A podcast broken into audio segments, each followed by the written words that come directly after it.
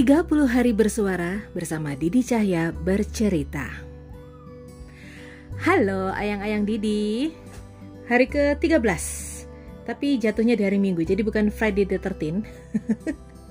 Memasuki tema ke-13 di 30 hari bersuara, tantangan dari thepodcasters.id tentang pemuja rahasia jadi sebenarnya gini loh ayang-ayang Didi, aku tuh agak-agak takut juga kalau mau ngisi uh, Didi Cahya bercerita ini dengan model monolog seperti ini. Kok kesannya semua tema tuh Didi banget.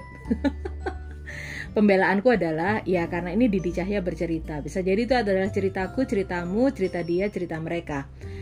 Tapi memang beberapa itu aku mengalami beneran gitu loh. Jadi kayak love at the first sight yang mungkin orang-orang ah itu nggak ada tapi aku ngalamin.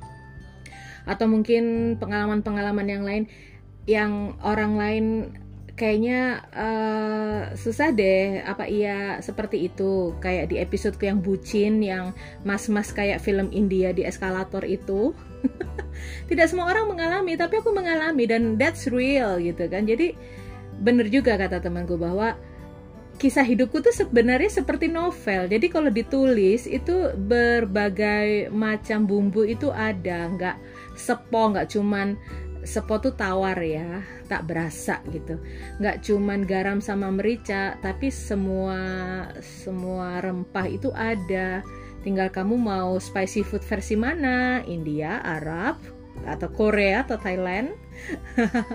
Jadi termasuk cerita hari ini tentang pemuja rahasia ini benar-benar terjadi ya yang yang Didi. It's so real.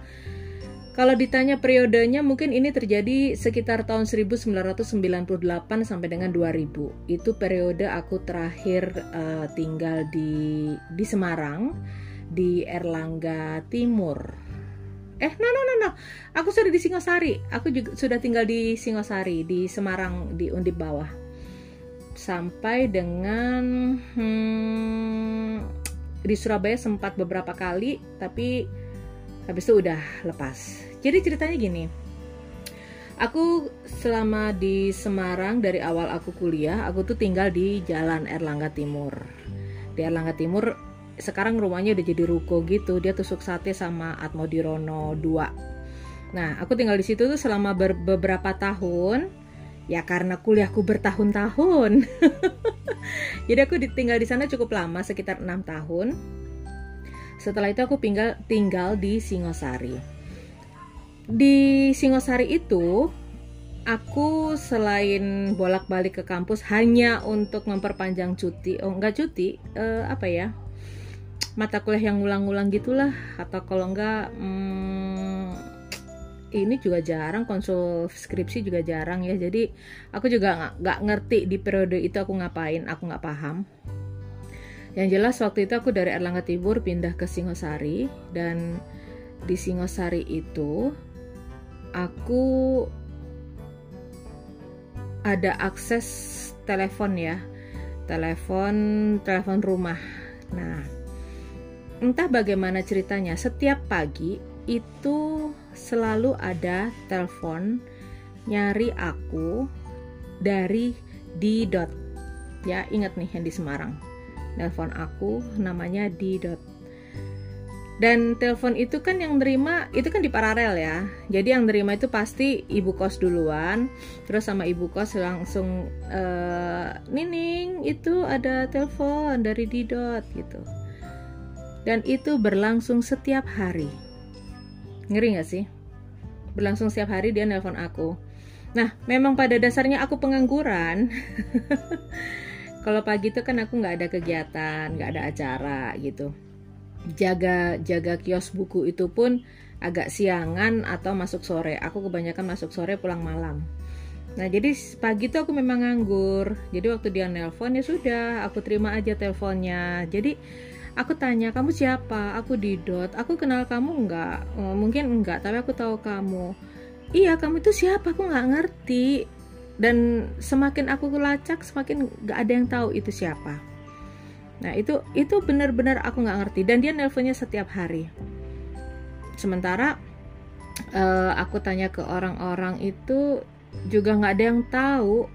Aku yakin pasti ada dari circleku tuh yang memang ngerjain aku. Aku yakin itu dari circleku sendiri gitu. Tapi siapa yang ngerjain aku? Sampai detik ini aku nggak tahu. Dan kami kalau ngobrol ya ngobrol-ngobrol biasa gitu. Temenan cowok cewek gimana sih? Bukan yang bukan yang flirting flirting gitu enggak tapi temenan. Dan berkali-kali uh, aku uh, bilang ayolah ketemuan kopdar. Aku nggak suka uh, berteman dengan kayak gini. Kamu tahu aku tapi aku nggak tahu sama sekali tentang kamu tuh aku nggak suka tapi tetap uh, katakanlah kita janjian mau ketemuan gitu ya entah yang katanya hujan lah apalah apalah. Tapi gue yakin dia itu ada ada periode-periode di mana uh, waktu aku lagi jaga jaga kios buku aku lagi ngapain dia tuh ada di situ. Seperti apa ya?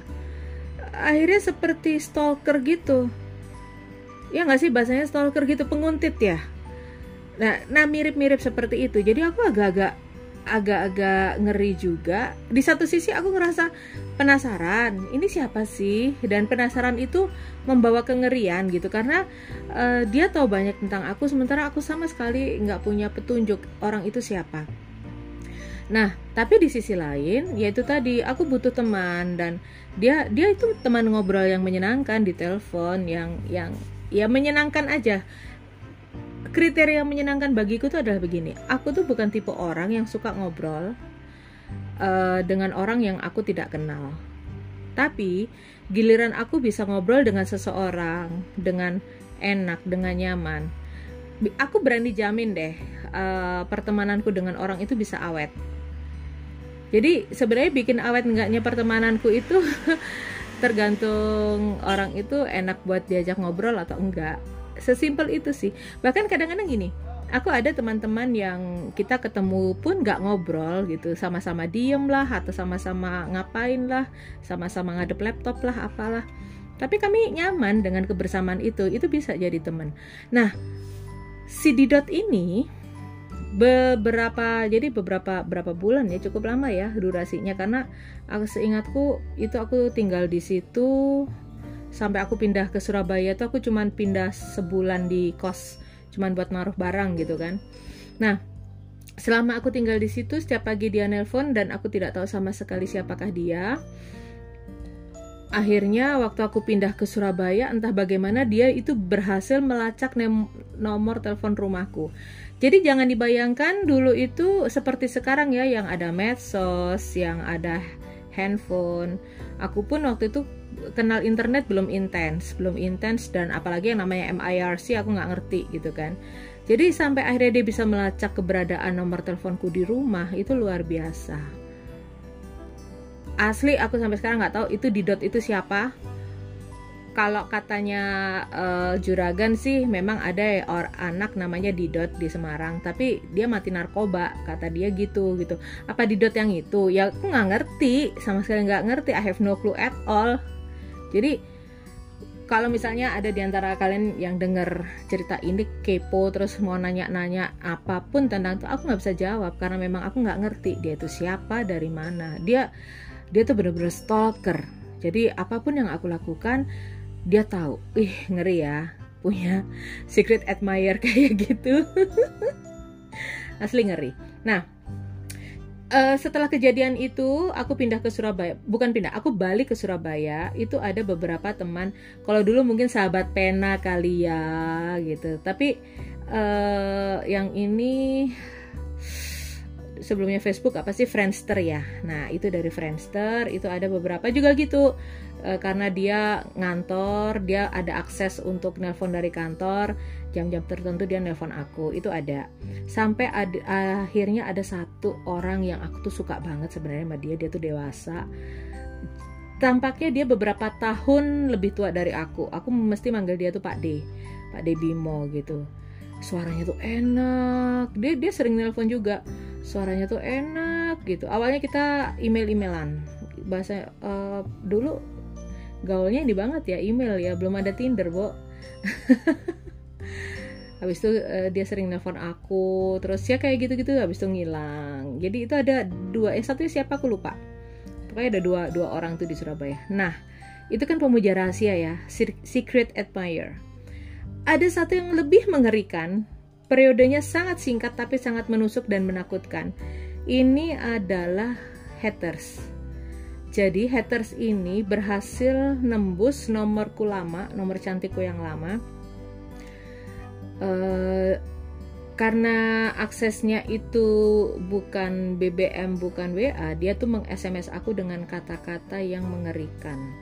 Jadi dia mengata-ngataiku dengan bilang dasar perempuan mandul, kamu itu kerja, uh, kerjaannya hanya ngejar-ngejar brondong bla bla bla bla bla bla. Sumpah. Itu sekarang ada di handphoneku yang mana? Aku udah nggak ngerti. Itu di uh, eh, BB kayaknya di BlackBerryku. Itu tuh bener-bener aku yang panik. Sampai aku ini nih harus bisa dilacak nih. Waktu dilacak ada temen yang ngebantu ngelacak. Itu kayaknya posisi dia itu ada di Surabaya Utara. Di Surabaya Utara. Dan itu pun kalau ditelepon nomor itu ya ditelepon dilacak itu mati. Jadi ya cabut handphone atau apa aku nggak ngerti. Yang aku sama sekali tidak tahu itu siapa? Motif dia melakukan itu si uh, apa? Dan dan tujuan dia ya ya apa ya maksudku? I have no clue at all gitu. Aku nggak ada petunjuk sama sekali. Maksudku aku sedang tidak jalan dengan istri eh, suami orang. Aku sedang tidak apa ya tidak ada alasan sedikit pun untuk menerorku dengan SMS seperti itu gitu loh. Jadi aku tuh heran kamu itu siapa? Kesalahanku apa sampai kamu itu menerorku seperti itu?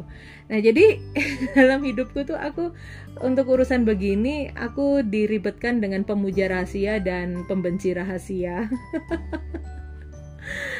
Gila ya. Kalian ngalami itu nggak sih? Aku juga inget sahabatku juga cerita bagaimana ya perempuan meneror dia sampai ya hanya karena si perempuan tuh ngejar suaminya atau segala macam gitu. Itu kan bermotif gitu loh. Makanya aku heran aku tuh diteror itu tujuannya apa? Aku nggak ngerti sama sekali. Nah jadi Uh, aku pernah mengalami bagaimana dikejar, bukan dikejar, bagaimana aku memiliki seorang pemuja rahasia, bagaimana aku sangat menikmatinya waktu itu, tapi sekaligus aku juga mengalami bagaimana pahitnya, bagaimana takutnya diteror oleh pembenci rahasia. Wow. Saat ini yang ingin, yang aku inginkan sih, ah, udahlah nggak usah pakai rahasia-rahasiaan kalau lu memang suka ayo kita ngobrol kita bicarakan baik-baik. Kalau misalnya uh, kamu benci aku ayo datang. Apa sih yang bikin kamu benci sama aku? Gitu. Jadi wis wis gak gak wayai lah berahasia-rahasia seperti itu.